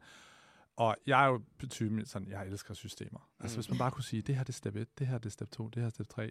Og det har vi også snakket om. Ja. Øh, og jeg føler heller ikke endnu, at vi har fundet systemet, men det er også bare lige for at stille spørgsmålet sådan, hvis nu man er en atlet, der hører det her, og selvfølgelig er alle forskellige, men er der sådan et sted, hvor du er sådan, det her, jeg vil sådan anbefale, I starter. Starter med at blive bedre til at lære om feedback, eller start med at blive bedre til at registrere jeres følelser, eller sådan, er der et sted, de Start med at gå ind på sportsoptimize.dk. og bestiller en session, og så kører vi. Så skal jeg nok fortælle dig det der. Nej, altså jeg vil sige, på en eller anden måde er, synes jeg centralt er, hvorfor dyrker du din sport? Altså hvorfor giver det mening, det du gør? Det skal være hakket. Øh, og, jamen altså, at, okay, fint nok. subject. Det er sådan, så når du ikke kan blive hakket mere, jamen vil du så fortsætte? Eller sådan, ikke? Jamen, det er derfor, jeg er ked af det hele tiden. Det, det Ja. er, Men, Men så lidt find your why, eller Ja. hvad? Ja, og så også øh, sådan værdier. Det er ikke fordi, det er sådan, at man skal finde det først, men det kan være en rigtig god måde ligesom at sige, "Mm, hvem vil jeg egentlig gerne være som person? Fordi det er jo også nogle gange det, jeg sidder med atleter. at Jeg skal også huske, når vi har talt om værdier, jamen hvis de er ligeglade med at være omsorgsfulde for deres teamkammerater, så er det ikke nødvendigvis det, jeg skal hele tiden skide og punkte dem for, vel? Så skal jeg fokusere på, hvad de ellers gerne vil. mm. Så det er jo også nogle gange at acceptere, at vi er bare forskellige og vil noget forskelligt. Og der er ikke nogen værdier som sådan, der er forkerte. Der er noget, som vil gøre, at andre mennesker måske bryder sig mere eller mindre om dig. Men hvis du er okay med det, jamen så er det jo fint. Altså så er der selvfølgelig, der er noget, en grænse og nogle love mm. og sådan noget, vi skal Mhm. overholde, ikke? Men i princippet må du have de værdier, Mm. som du har. Det er det, der er vigtigt for dig. Og det vil jeg sige, det var måske et sted at starte, fordi i virkeligheden er det nok, altså det er jo, når man spørger folk, er det ja. næsten det sværeste spørgsmål, folk svarer på. De kan godt svare på, hvad de tænker. De kan godt svare på, hvad de føler i et eller andet omfang som regel. Ikke? Men hvorfor dyrker jeg egentlig min sport? Fordi jeg synes, det er sjovt. Jamen, hvorfor går du så ned og træner, når du ikke synes, det er sjovt? Mm. Hvad er det så, der driver dig? Altså, og det er jo igen også at holde ved. Mm. Mm. Hvad er det, der gør, at du bliver ved med at træne din sport? Og hvad når... når Men det tror jeg faktisk også lidt leder videre til nogle af de næste spørgsmål, har. Fordi at, nej, men det er jo sådan en ting med afhængighed og spiseforstyrrelse og alle de her ting. Fordi der er jo tit, uh, disciplin også. Der er jo tit, hvor jeg tænker sådan, jeg synes, jeg dyrker cross, fordi det er sjovt. mm, Men jeg gør det også, når jeg ikke synes, det er sjovt. Og så Mm. stiller du spørgsmålet, hvorfor fanden gør du det? Der er jeg bare sådan der. Men det er jo fordi, jeg skal...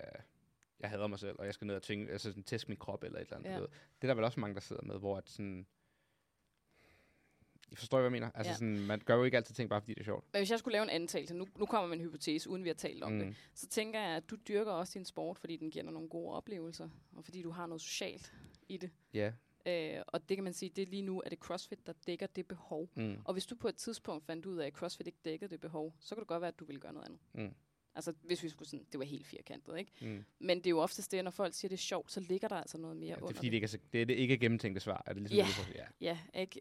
Øh, og man kan sige, øh, så, så der er jo oftest mere i det, hvorfor du dyrker din sport. Og ja, så er der måske nogen, som dyrker en sport, fordi den tillader dem øh, at vedligeholde nogle uhensigtsmæssige mønstre, som gør, at de kan være i det ubehag, de oplever. Så. Mm. det bliver deres håndteringsstrategi. For vi kan jo godt have uhensigtsmæssige håndteringsstrategier til at håndtere livet generelt, Ja, så de, de sidder og træner i stedet for at sidde på sofaen med følelserne.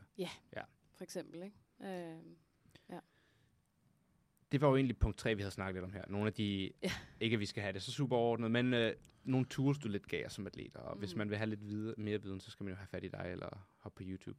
Men vi vil jo egentlig også godt snakke lidt om alt det her, du snakker nu om, med håndtering af følelser, udbrændthed og pres, der kommer udefra, pres, der kommer fra Instagram. Ja. Alle de her ting. Jeg ved ikke, Emil, har du nogle øh, indledende spørgsmål? Altså, jeg, jeg sjov nok, da vi lige sådan næsten startede den her podcast, der kom jeg til at tænke på det, du sagde, hvor at du sagde det der med, at når øh, nogle folk begynder at græde, eller whatever, så, og jeg håber, jeg siger det rigtigt, så får du lidt den der sådan, tag nu sammen. Ja. Ja. Jamen, det er også når, Og det- når vi morgentræner, folk siger, Mm. ah, men det er for hårdt, så er det, det er meningen. Og der tænker jeg jo sådan som udgangspunkt, at jeg tænker, der er jo nogle folk, som har det fint med det. Og måske endda trives med det. Ikke? De har det bare dejligt. Og det er jo formentlig også de folk, der fortsætter. Men er det måske de folk, som ikke kan klare den der lidt sådan typiske attitude med, at man bare skal tage sig sammen, som ender med at brænde ud? Eller Ja, så hvis vi skulle starte der, er det... Og er det leder bare lidt tilbage til sidste podcast, der snakkede vi om, at sådan, folk brænder ud i CrossFit. Og vi havde Ja. lidt en idé om, at folk måske brænder ud meget i CrossFit i forhold til andre sportsgrene. Og det kan godt være, at det er helt forkert. Men Ja. det er jo Ja. bare lige for, at de, så folk er med, hvad Ja, det er, det vi er godt. snakker Ja. om. Og man kan sige, nu hørte jeg jo den sidste podcast, og sådan, det er jeg egentlig ikke helt enig i. Jeg Altså at hvad? at folk brænder mere ud i CrossFit, end de egentlig gør i andre sportsgrene. Jeg tror bare, at CrossFit er så, så småt Mm. og så nyt, så alle kender alle. Ja, vi lægger ligesom mærke sige. til det. Man lægger nok lidt mere mærke til det, hvor at vi har jo afsindig stort frafald i sport, når vi snakker gå fra junior til senior. Mm. Det, Mm. er, det er normalt. Det er noget, man prøver at arbejde med i forskellige udviklingsmiljøer. Øhm, så, så jeg tror egentlig ikke, jeg er enig at det er sådan helt særligt for CrossFit. Jeg tror bare, det er simpelthen så lille en sport, at man lægger mere mærke til det. Men der tænker jeg jo, øh, hvis man nu sidste gang snakkede vi om fodbold og folk, der stopper. Mm. Altså, da jeg gik i gymnasiet, mange af dem, der gik til fodbold, der stoppede, det var fordi, så havde de lyst til at feste, og så kunne de sådan, det var ikke fordi, det var så sjovt at spille fodbold længere. Hvor jeg tænker med CrossFit, fodbold er jo en sjov sport. CrossFit er jo ikke nødvendigvis sjovt at træne. Mm. Til fodboldtræning, der har du trods alt dine boys, og du træner, og du er udenfor. Og der er selvfølgelig også nogle negative sider, men med CrossFit, det er bare ikke altid særlig sjov træning. Sjældent er det faktisk særlig sjov træning. Det er oftest hårdt, det er meget tungt, det går rigtig ondt, som du siger. Man skal ligesom have nogle coping-strategier for at overhovedet kunne blive i sporten. Ja. Og der tænker jeg jo, der er større incitament til at stoppe den her sport. Hvis du bliver god til CrossFit, så bliver du millionær. Hvis du bliver god til CrossFit, så får du 20.000 følgere på Instagram. Det er bare, der er levels i det. Altså, der tror jeg også, at der bliver det simplificeret lidt, at øh, fodboldtræning ikke er hård. Fordi jeg tænker, jamen hvis du er på elite-niveau, så er der nogle hårde elementer. 100, Det er men det er bare, Nogle ikke andre, lige meget hvad vi siger, så er det ikke lige så hårdt. Jeg vil også sige, at jeg altså, synes, CrossFit, CrossFit er er, hårdt. oh, Ja, no doubt. men- altså. der hvor jeg tænker, at det er måske nogle andre elementer i fodbolden, der er mere problematisk, øh, end man skal håndtere i CrossFit. Altså jeg tror, jeg tror bare, det er det lige at huske, at sportsgren har hver deres udfordringer. Og det er Mm. også det sådan rent 100 procent. Altså, det der er lidt i, det der er lidt særligt, synes jeg, ved CrossFit, når man taler om det, er jo, at man skal være så altid, som man skal være. Og mm. Det skal du så også i dine håndteringsstrategier. Mm. Hvor det er ikke helt nødvendigvis det samme, når du skal svømme, eller sådan, altså, fordi der er en eller anden begrænsning ja. på, hvad du skal kunne, ikke? Øh, så jeg så tror... udover at du både skal være fysisk altid, skal du ligesom også være mentalt altid. Mentalt. For du skal ligesom have coping-strategier til, når du skal lave gymnastik, og når du skal lave et vægtløftningsevent, og når du skal ud og svømme i en sø, og når du skal hoppe på Ja. hovedet. Hvor Ja. en gymnast, han skal ligesom kun vide, når han skal lave sin pirouette, skal han have den her coping-strategi. Ja, Sat sort på hvidt. sat meget simpelt op, Ja. ikke? Men, men man kan sige, ja, der er, der er flere øh, udfordringer. Du har vægtløfterens udfordringer, mm. og så Hmm. har du også øh, distance- Mm. eller udholdenhedens udfordringer, altså sådan, Mm. som du skal kunne håndtere. Så det er jo en meget altid sport, og det er jo også, kræver også meget i forhold til det mentale. Og det tænker jeg sætter jo nogle krav op, særligt hvis man er, er ung. Øh, og så, som I så siger, ja, det er nok ikke altid lige sjov træning.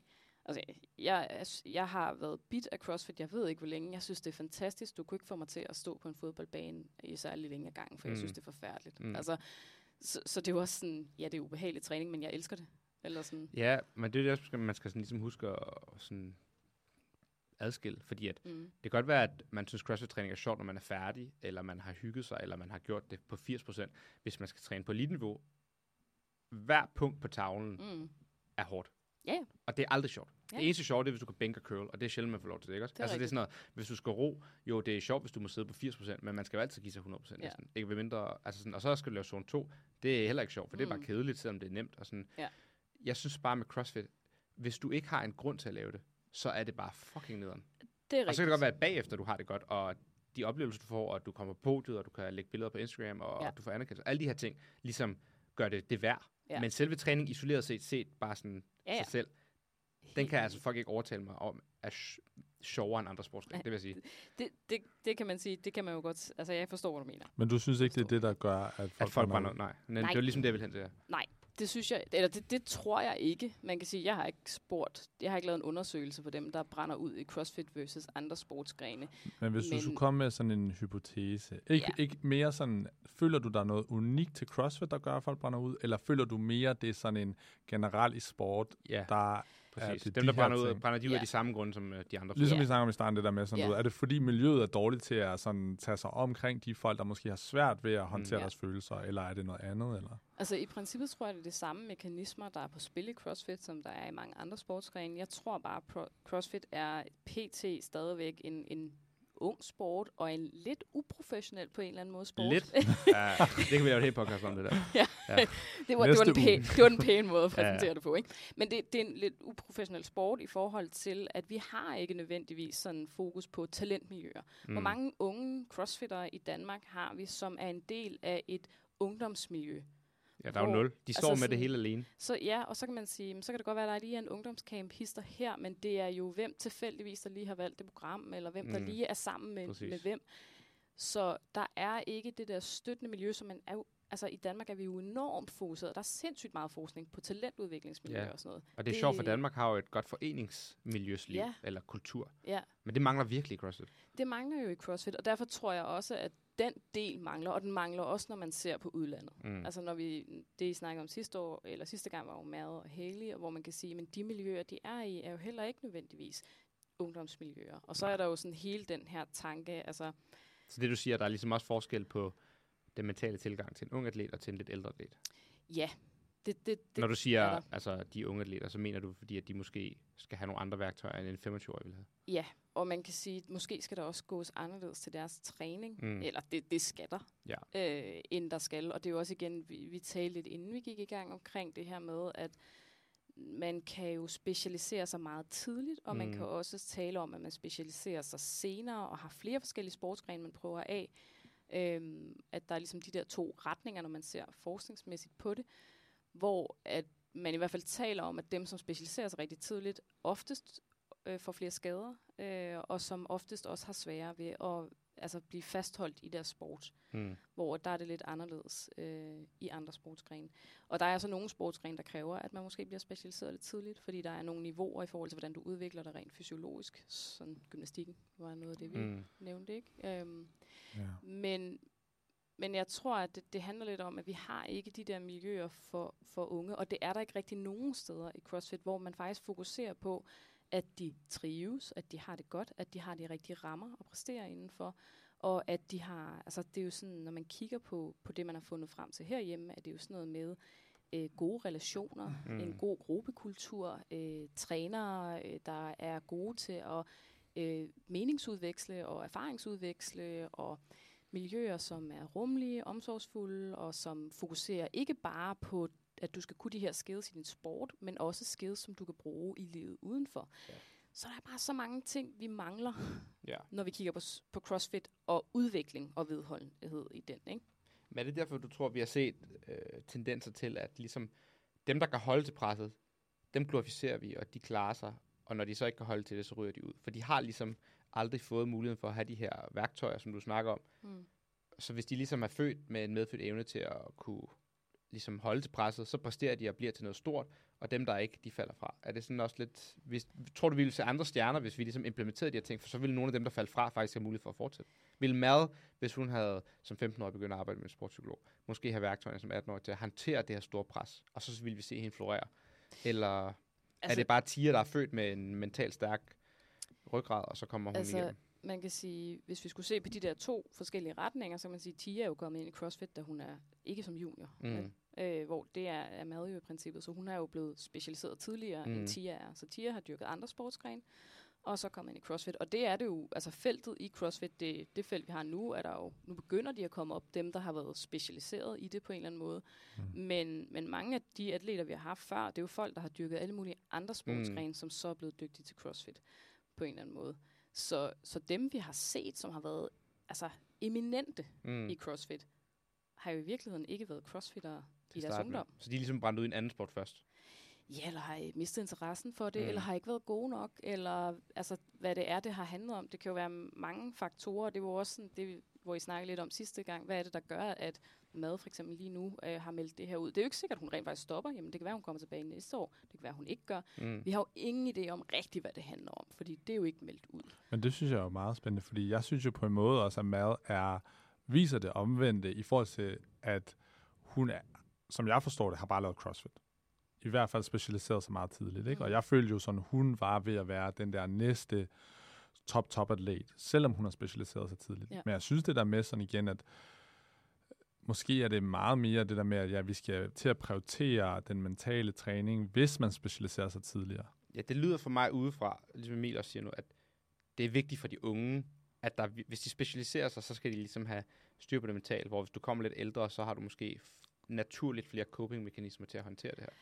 Ja, og så kan man sige, måske skal de ikke have styr på det mentale, men måske skal omgivelserne hjælpe dem med det. Ikke? Mm. Øh, fordi det er jo også igen, hvornår begynder man at arbejde med unge i forhold til det mentale. Fordi der er jo også noget med, hvornår er din refleksionsevne faktisk Præcis. God nok til det.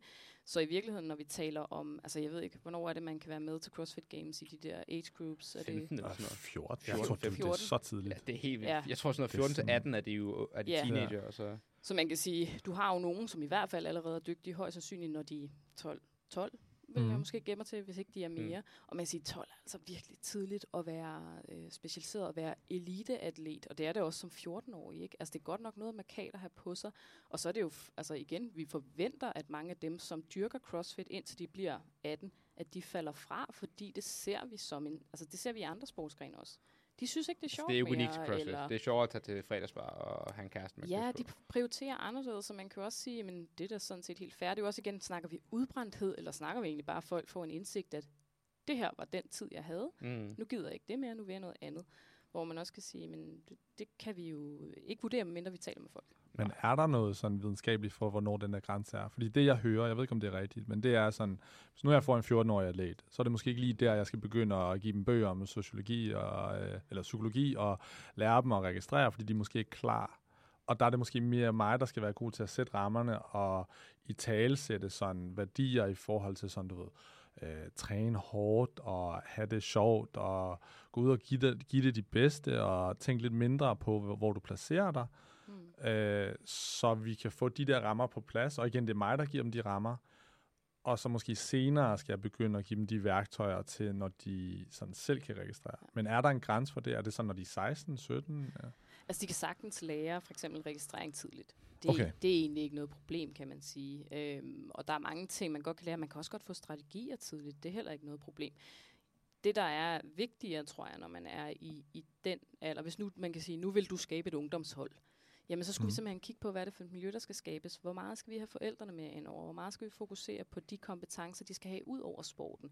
Skal de måske gå til gymnastik om mandagen og svømning om tirsdagen, og i virkeligheden ikke træne crossfit? Altså, man vil skulle kigge på rigtig mange faktorer for at skabe et godt miljø, fordi når de er så unge, så handler det jo meget om det støttende miljø omkring dem, og hvordan deres liv bliver påvirket. Og så er det jo også det, jamen, når de har overgangen fra junior til senior, er det jo oftest overgangen, som også falder ind i skoleovergangen. Øh, Så skal du på gymnasiet eller på Mm. universitetet eller et eller andet.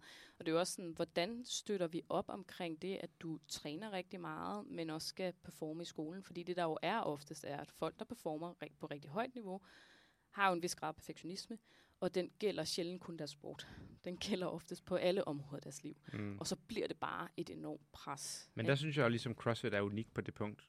Eller den er ikke unik, men den er ens med individuel sport. Fordi at hvis du har lyst, som du siger her, til sådan at dyrke sporten på så højt niveau, og det ligesom ikke bliver sjovt længere, så med andre sportsgrene er der trods alt stadig noget socialt i det. Mm. Og der er mange af de unge crossfitter, der glemmer det sociale, fordi at de har bare fået at vide af deres coach, nu skal du træne, og du skal gøre dit, og du skal gøre den. Og vi kender jo ikke Merles liv eller Haley's liv, Nej. men når vi ser udefra på Instagram, du ved, det de lægger op, og det giver jo bare likes selvfølgelig, men det er, at de sidder i et sort-hvidt nede i en kælder og ro- laver rointervaller, ikke også? Og så skriver de bare hard work.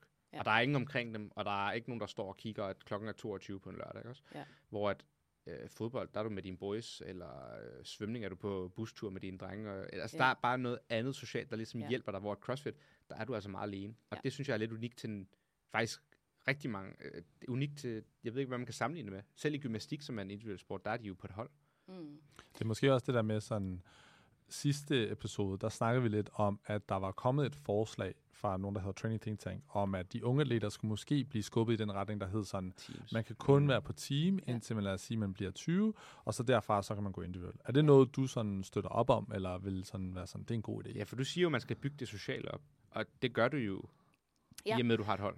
Ja, ja, og jeg, altså det, der hvor jeg tænker, men egentlig kunne man godt øh, lave individuelle, altså hvis man sikrede, at jamen, de er i et miljø, hvor der er andre, som de har og kan støtte sig op af, sammenligne sig med. Altså, hvor man kan sige, de ikke bliver placeret ene person her, og så skal du træne ligesom Matt Fraser, fordi Matt Mm. Fraser fungerede med det her, hvor det, det altså, hvis man skulle, øh, uden at vide noget, så vil jeg også sige, jamen Matt Fraser, øh, Mad træner som Matt Fraser, for det har virket for Matt Fraser. Jamen, det virker ikke nødvendigvis for hende. Det er jo det, der er problemet tit, når man, når man tager Ja, det er jo et stort problem med CrossFit, synes jeg. Altså- for der er jo, altså, Fraser og Froning, de tjener jo hele deres, altså, alle deres penge tjener de jo på, netop at folk tror, at de bliver lige så gode ved at køre deres program. Ja, men, og det er jo det der med sådan... Men sådan er det jo generelt, at fordi det virkede for mig, så mm. giver jeg dig de her kompetencer, og så virker det måske for dig. Det er sådan, nej, sådan fungerer det ikke. Og det er jo også det, der er problemet med Instagram, når folk, for eksempel også på mit område, altså coaching og alt muligt andet, sådan, det her virkede for mig, sådan her overkom jeg det her. Ja, og det virker måske for dig. Men, Men, det tror du, virker det er derfor, sådan som. Mal brænder ud? Fordi at så, hun er en af de bedste i sporten. Matt tager hende ind. Han har fem års program liggende, som han har kørt. Og så siger han bare, du starter bare på dag et. Og så skal hun køre det samme. Og han lægger det pres på, han lægger på sig selv, det lægger han over på hende. Men han havde måske værktøjerne for vægtløftning til at håndtere det her pres. Og så Ja. har du lige pludselig en 17-årig pige, der ikke har de her værktøjer, som ikke tør sige fra. Ja. Og så lige pludselig brænder lyset begge ender, og så knækker filen på et tidspunkt, når hun ikke Ja. kan håndtere det længere. Tror du, det er det, der sker, at de bare tænker, det virkede for mig, du er svag, hvis du ikke kan holde til min volumen. Det Og kunne så- i hvert fald ske. Det kunne i hvert fald være problemet. Man kan sige igen, vi ved ikke, hvad det er. Det kunne også være sygdom i familien eller et eller andet, Mm. mm. der har gjort, at hun ikke er med. Ikke? Men, men jo, det kunne ske, hvis du har en træner, der tænker, det her virker for mig, ergo virker det også for dig, som er 10 år yngre og starter på Mm, et helt andet præcis. niveau. Hvor det igen, mm, jamen så skal du kigge på, hvad forskningen siger omkring, hvilket miljø skal vi have de her unge til at være i, for at det virker i stedet Ja, så for. det, fordi jeg vil sige, udefra så virker det meget, det er i hvert fald min holdning, at Mm. Fraser og de her camps der, det fungerer for dem, så giver de det videre til deres atleter. Ja. Og dem, der kan holde til det, de slår igennem, og dem, der ikke kan holde til det, de falder bare fra. Ja. Det har vi også set med Mayhem. Altså, de har jo 100 gode atleter, mm. men det er kun 20, der kommer videre, fordi de 80 falder nærmest ligesom fra, de kan ikke holde til det. Ja, eller måske også bare det der med sådan, at de unge har brug for noget andet end de gamle. Ja, Ja. det og lyder det der om med, er at der coaching. ikke er potentielt set, jeg tager nok hånd om, at der er den forskel. Mm. Men at man mere prøver at skære alle over med samme kamp. Og i og med det igen, de der, der er 25 plus, at de alle igen har fået de der værktøjer, så går det fint. Men fordi at de unge ikke har lært dem endnu, så er det bare no-go. Ja, der lyder det som om, det er ligesom coachen og miljøets ansvar om at skabe de korrekte rammer for de her unge mennesker. Og så med tiden kan de ligesom få overskud til selv at bygge nogle værktøjer. I, ja, altså man kan sige, det vil i hvert fald ligge hos foreninger, mm. Mm. øh, bokse i princippet, eller sådan, at de skulle skabe et godt miljø, men forældre er jo også en del af det. Altså Ja. skole er en del af det. Så i princippet kan man sige, jo, jo flere øh, arenaer du har med Mm. af et atletens liv, jo større chance er der for, at du får støttet ordentligt op omkring den proces, de er i, og at du er sikker på, at du får lyttet til deres ønsker, og de selv lærer at lytte Men de skal jo blive gode til CrossFit. ønsker. Det er jo det, coachen tænker. Ja, ja. Men det er jo igen sådan, jeg tror også nogle gange, at man skal huske, at man skal prøve at give lidt slip, fordi jeg, jeg oplever også nogen, der siger, han er ved at, han vil hellere spille guitar, end han vil spille øh, basket. Mm. Okay, jamen har I, altså, måske skal han bare have lov til at spille guitar og spille basket. Jamen, han er den bedste i Danmark. Hvor det er sådan, ja, men han, kan ikke, han gider det ikke. Han synes ikke, det er sjovt. jamen, der kan jeg mærke, der er konservativ igen, for så sidder jeg og tænker, han bliver ikke den nye John Mayer, men det lyder til, at han godt kan blive den nye LeBron. Ja. Ja. Så må man jo også som forældre tænke, ah, måske skulle jeg lige presse ham lidt mod højre, selvom han gerne vil til venstre. Ja, eller hvad hvis han fortryder det senere? Hvad hvis han lige har et år nu, hvor han tænker sådan, at guitar, guitar er fedt, og så bruger han over på det og træder væk fra basket, og så kommer han tilbage og vil gerne starte op igen, men så er det for sent. Præcis, der tænker jeg nemlig også, selvfølgelig skal folk have deres egen autonomi. Mm. men nogle gange må man også godt hjælpe Jo. folk på vej, når du kan se potentialet og skubbe dem i den Helt retning, selvom de måske ikke har lyst. Helt sikkert, men det er jo igen den der Men det er måske sådan, fordi, der, der de falder fra, de unge. Øh, ja, og jeg tror også, sådan, hvor stort et forventningspres ligger du på dem. Altså, hvis du lægger valget op til dem og siger, "Men, altså, hvis de har en oplevelse af, det er faktisk okay, jeg vælger gitaren, hvis det er det, jeg vil, så tager de måske også et reelt valg, eller vil måske hellere lytte på, når mor og far siger, hvad siger du til, at vi lige siger, at du prøver det her tre måneder nu, mm. eller vi prøver en anden klub, eller vi, hvad det nu er, der skulle til for, at vi, vi prøver noget andet. det kunne godt være, at de var villige til at lytte, hvis ikke de... Altså, der er jo sikkert nogen, som føler, at jeg kan ikke få lov til at vælge guitar. Mm. Måske deres træner, måske miljøet, måske andre, ikke? Øhm, og man kan sige, jamen, elitelivet og at blive LeBron James er altså ikke lykken nødvendigvis for folk. Og det, det, det kan man tænke, hvis man er ambitiøs og Mm. perfektionistisk og eliteatlet selv, eller sådan at, åh, det vil jeg gerne være, ikke? Ja, ja, det er da også fedt, men det skaber godt nok også mange, mange problemer at skulle Mm. være der, ikke? Altså, så det er sådan... Jeg vil jo hellere have problemer i en Lamborghini, end problemer i, i en Fiat. Er det ikke, som man siger? Er det ikke, som man plejer at sige? Ja, jeg tror også, det er det der med sådan, hvor ofte har det virket, og jeg gør det så sort og hvidt, som at sige Ja. sådan, du skal fortsætte. Så føler jeg nemlig bare, at barnet, teenageren, jeg ikke deler, og så bare stadig bare gør deres egen ting. Hvor at Ja. hvis man kan støtte op om det, selvom man måske inderst inde, og det tænker jeg for min egen datter, altså sådan, hvis nu hun gerne vil noget elitesport, og jeg inderst inde er sådan, åh oh, yes, fedt mand, og du er god til det, Mm. så, så tror jeg, at hvis jeg så også vil have den bedste chance for, at hun træffer det valg, fordi hun gerne vil det, så tror jeg også, det bedste, jeg kan gøre, og det er bare mine tanker, det er nemlig at bare støtte hende i det, hun vil, og prøve at give hende de rammer, og selvfølgelig også bare være en, der kan være der til at tale til de der ting, fordi jeg også bare sådan, nogle gange, når man stiller det op og siger sådan, du ved, "Nå, men hvis du ved det her, det er fair, men husk, så betyder det, at du går glip af det. Så, Mm. Så får folk også nemlig igen det der reflekteret over det, og kan bedre træffe beslutningen. Hvor jeg føler, når man gør det der, hvor man bare sådan, du skal den her vej, og det, det gør jeg selv nu, og det, men sådan, så bliver man næsten mere sådan, "Jamen, så går jeg 100% den anden vej. Ja. Mm. Ja, og det er jo måske også, altså nu, jeg er ikke ekspert på forældrerollen eller noget som helst, der har vi nogle andre, der er super dygtige til herhjemme.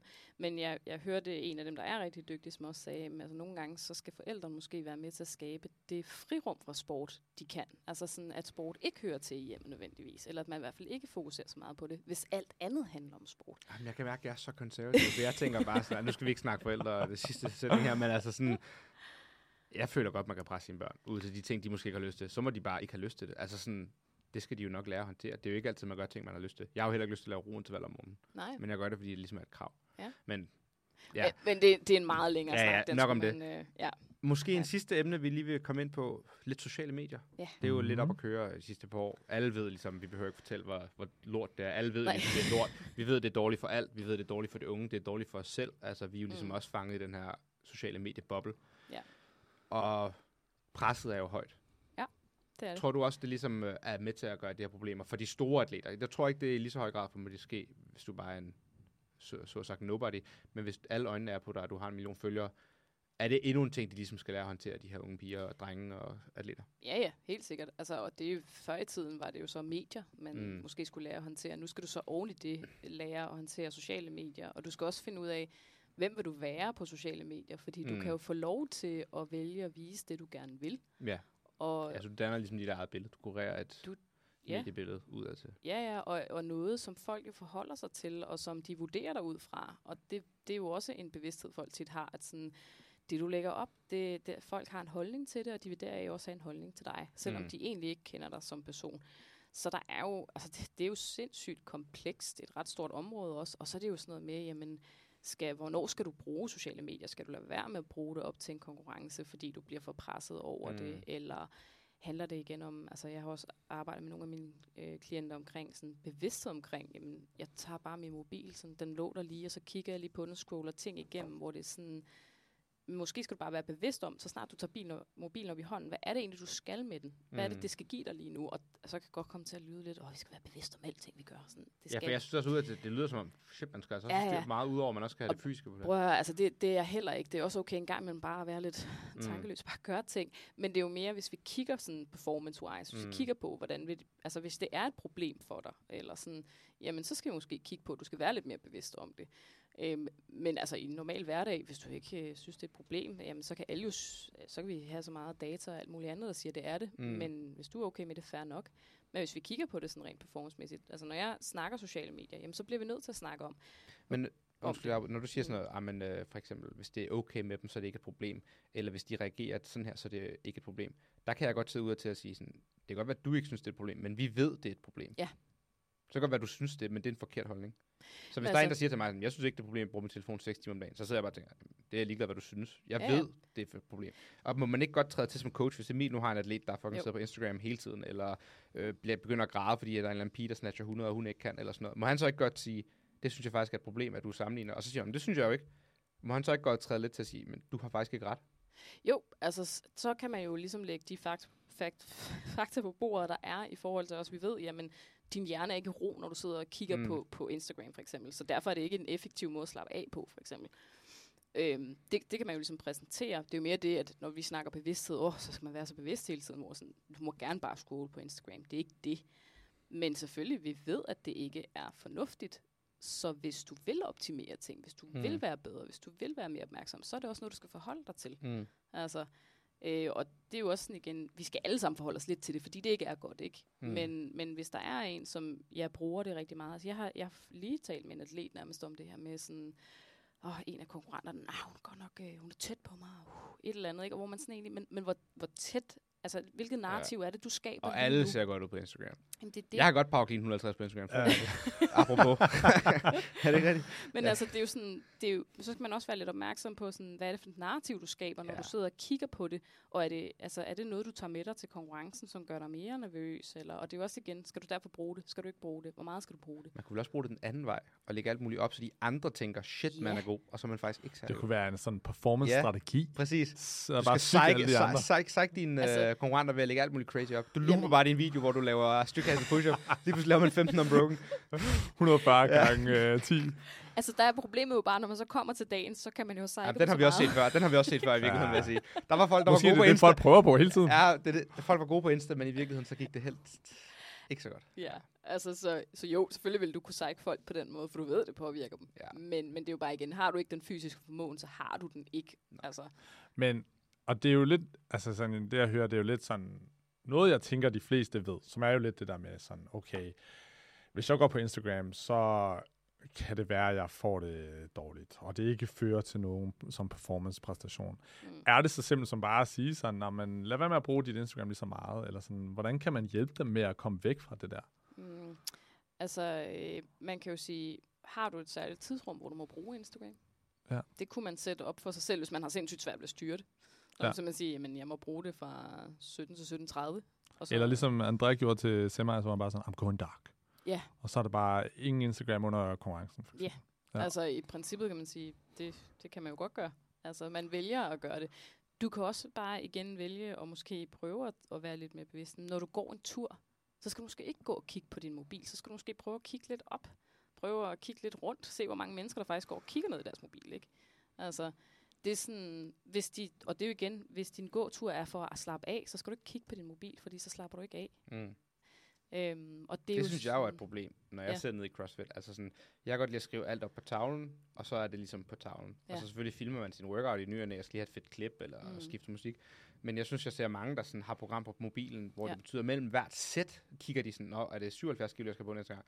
Nå, så er det 78, og du, de kigger på telefonen hele tiden. Og hurtigt kommer det til at være at kigge fra program til at sidde på telefonen. Ja. Ser du også, når du går rundt i tøjet, sådan ting, du tænker, ikke bare med sociale medier, men også bare ting, du ser folk lave fra et psykologaspekt, hvor du tænker, det der kunne de godt lige tage sammen. De skal lade være med at sidde og grine, inden de ror. De skal måske lige være lidt mere øh, seriøse. Eller sådan. Er der nogle ting, du sådan, har tendens til at se i CrossFit Center, hvor du tænker, det er bare en lavt hængende frugt. I kan lige fjerne det der, så vil I performe Altså, lidt jeg, bedre. jeg, jeg tror, at den, jeg ser mest, er den der med at ryste på hovedet, faktisk.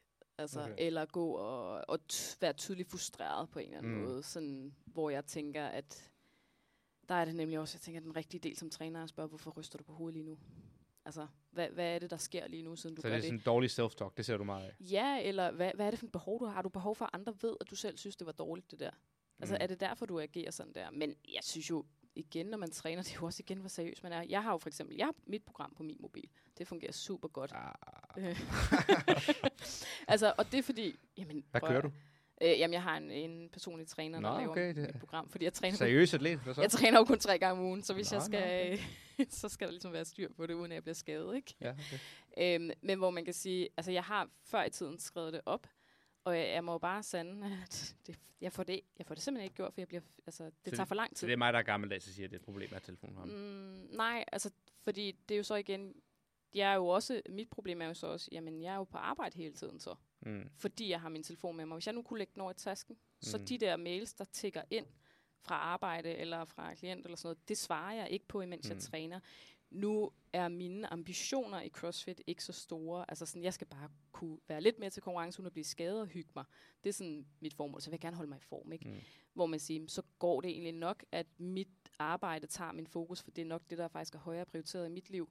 Men hvis du er ambitiøs, og hvis du skal noget specifikt med din CrossFit, jamen så kan det være en god idé, at når du så træner, jamen så er det det, der er dit fokus. Mm. At du bevidst går ind til hver øvelse, og det er måske den anden ting, jeg, jeg tænker lidt i CrossFit, er, at folk træner rigtig meget uden at måske være super bevidste om, hvad er det, jeg skal have ud af den her? Hvad er det, der er mit fokus i dag for den her øvelse? Hvis de har et program, hvor der står det, så hjælper det jo lidt. Mm. Men det er jo sådan... Dem læser man jo aldrig. Ærligt, jeg tror ikke, folk læser en skid af det. Når, hvis dem, der lytter med, når de har program, og jeg ser dem, så står der 5 gange 5 back squat, og så er der en note. De ser jo bare, der står 5 gange 5 back squat. Ja. De ser aldrig noten, der står work your way up, eller find a heavy... Altså sådan, Ja. det tror jeg ærligt talt ikke, folk gør. Tror du det? Jeg læser aldrig de noter. Det kan være, det er derfor, man skal... Hvad siger du? ja. Men det kan være, det er derfor, man skal en coach. Ja. Men ja, det, det kunne være en idé, at man rent faktisk... Fordi du træner lidt mere bevidst. Ja, så lidt mere bevidst i sin træning. Ikke bare, hvis man er seriøs, nu snakker vi om folk, der måske har lidt ambitioner. Ja. Man skal være lidt mere, man skal forstå ideen bag det punkt, man laver. Og det har vi ligesom også hørt Ja. andre folk snakke om før. Jo. Ja. Man skal ligesom vide, hvorfor er det, jeg laver 10 ring muscle ups, hvad er formålet? Er det meningen, jeg skal lave dem broken? Ja. Er det meningen, jeg skal prøve at øve et hurtigt Ja, femmer? ja. Hvad er det? Ja, Og der enig. skal vi jo være fleksible og sige, du må gerne gå ned bare og følge dit program og være ligeglad, hvis du har en dag, hvor du har behov for det. Men vil du være rigtig dygtig, jamen så er det måske Ja. ja. den detalje, du også skal have med. Ikke? Kom med noget intention. Mm. Jeg har en sidste ting, Mm. inden vi måske runder af. Oha. Ja. Oha. Nej, men øhm, jeg snakkede lidt med Rebecca Wittesen i dag, Ja. og til dem, der ikke ved, hvem hun er, men det tror jeg alle efterhånden gør. Øhm, så er hun svensk atlet, der lige har kvalet til Games Mm. indført, og ekstremt dygtig. Og jeg ved, hun arbejder, som vi snakker med, den der mentale coach fra Ja. USA. Og så spurgte jeg hende, hvad synes du er vigtigst? Er det dine mentale værktøjer, lige inden du går på gulvet, eller er det, at du arbejder med det hele året rundt? Mm. Og jeg tænkte også selv, det nok var hele året rundt, og det var også det, hun svarede. Hun Ja. synes, at det her med, at hun har de her værktøjer til at arbejde ligesom hver dag, og have intention i sine workouts, eller føle sig selvsikker, når hun går gulvet, det var meget mere værd, end den øh, snak, hun havde med sig selv, inden hun gik på gulvet. Den snak er også vigtig. Ja. Men det var ligesom det her med, at hun havde nogle værktøjer til hver dag at håndtere følelserne, der kommer. Den her lange rejse på de 364 dage om året, hvor du ikke konkurrerer. Mm. Og så på den sidste dag, når du konkurrerer, så føler du dig forberedt. Og den selvsikkerhed opvarede meget, meget mere, Ja. end den snak, hun havde med sig selv på dagen, som selvfølgelig også var vigtig. Ja. Men det var bare til dem derude, der tænker sådan, "Ah, men nu skal jeg have noget at arbejde med, og så når jeg konkurrerer, så bruger jeg dem. Det er ligesom vigtigt at bruge dem hele tiden. Ja. Så går jeg tilbage til det der med sådan igen, sådan konsekventhed. Præcis. Hvis du gør det konsekvent hver dag, i stedet Mm. for bare at prøve at hive det ud på dagen, Præcis. så må det ikke, det kommer til at gå noget bedre. Det hedder jo mental træning, så man kan jo sige, fuldstændig ligesom du træner med alt andet, Mm. er det også noget, du skal træne. Super. Fedt. Jamen tak fordi du kom, Ja, øh, tusind tak. kom og var med. Det var Tak, Sports inviterede. Optimize, hvis Sport man vil se det på. Instagram. Ja. Uh, Emil har Pursuit Training. Og Victor Ja, har, jeg har ikke øh, skid. Jeg har ikke skid. 46-holdet. Ja, præcis.